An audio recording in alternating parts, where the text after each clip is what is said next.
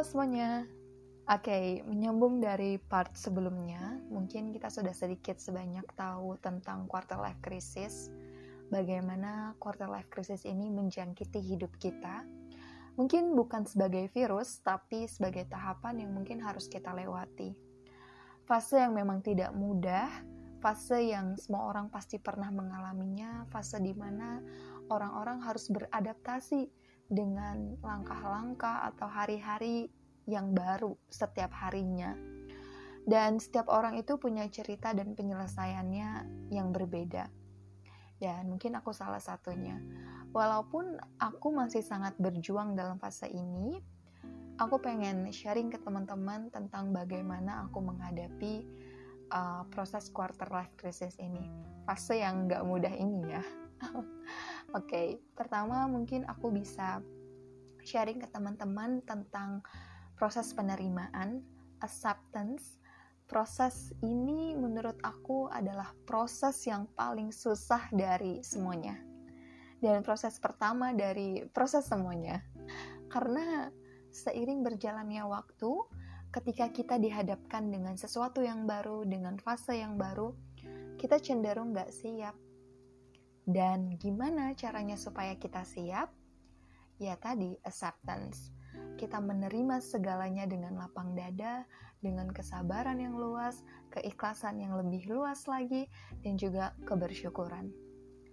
Aku sempat mikir dalam proses ini bahwa ternyata fase quarter life crisis ini, fase di mana kita kecewa, kita kesal sama hidup kita, kita stuck sama hidup kita, ini adalah fase yang normal perasaan yang kita rasain ini sedihnya, kecewanya, nangisnya, itu adalah perasaan yang orang lain juga rasakan. Kamu gak sendiri kok, karena semua orang juga pasti merasakan fase ini. Kita berada di tempat yang tepat, yang seharusnya kita berada. Kita berada di fase ini karena mungkin banyak hal lain yang harus kita pelajari banyak hal lain yang ternyata memberikan kebaikan kepada diri kita sendiri. Kita hanya disuruh berjalan, bukan berlari pada apa yang mungkin kita kejar. Karena dalam proses itulah kita merasakan kenikmatan. Karena proses itulah yang banyak membentuk kita dalam versi terbaiknya. Memberikan kita segala kekuatan dan kualitas hidup yang mungkin lebih dan lebih lagi prioritaskan diri kita sendiri. Nah, kadang kalau kita udah terlalu sering nih ngelihat pencapaiannya orang lain, kita terlalu mendengarkan penilaiannya orang lain, kita jadi punya standar yang tinggi atas diri kita sendiri. Dan percayalah, kalau kita hanya mementingkan penilaian orang lain, apa pun yang kita lakukan gak akan pernah memberi kita kepuasan tapi kalau kita lebih memprioritaskan diri kita sendiri, usaha yang kita keluarkan juga jauh lebih ikhlas, kita jauh lebih puas, dan kita jauh lebih menghargai diri kita sendiri.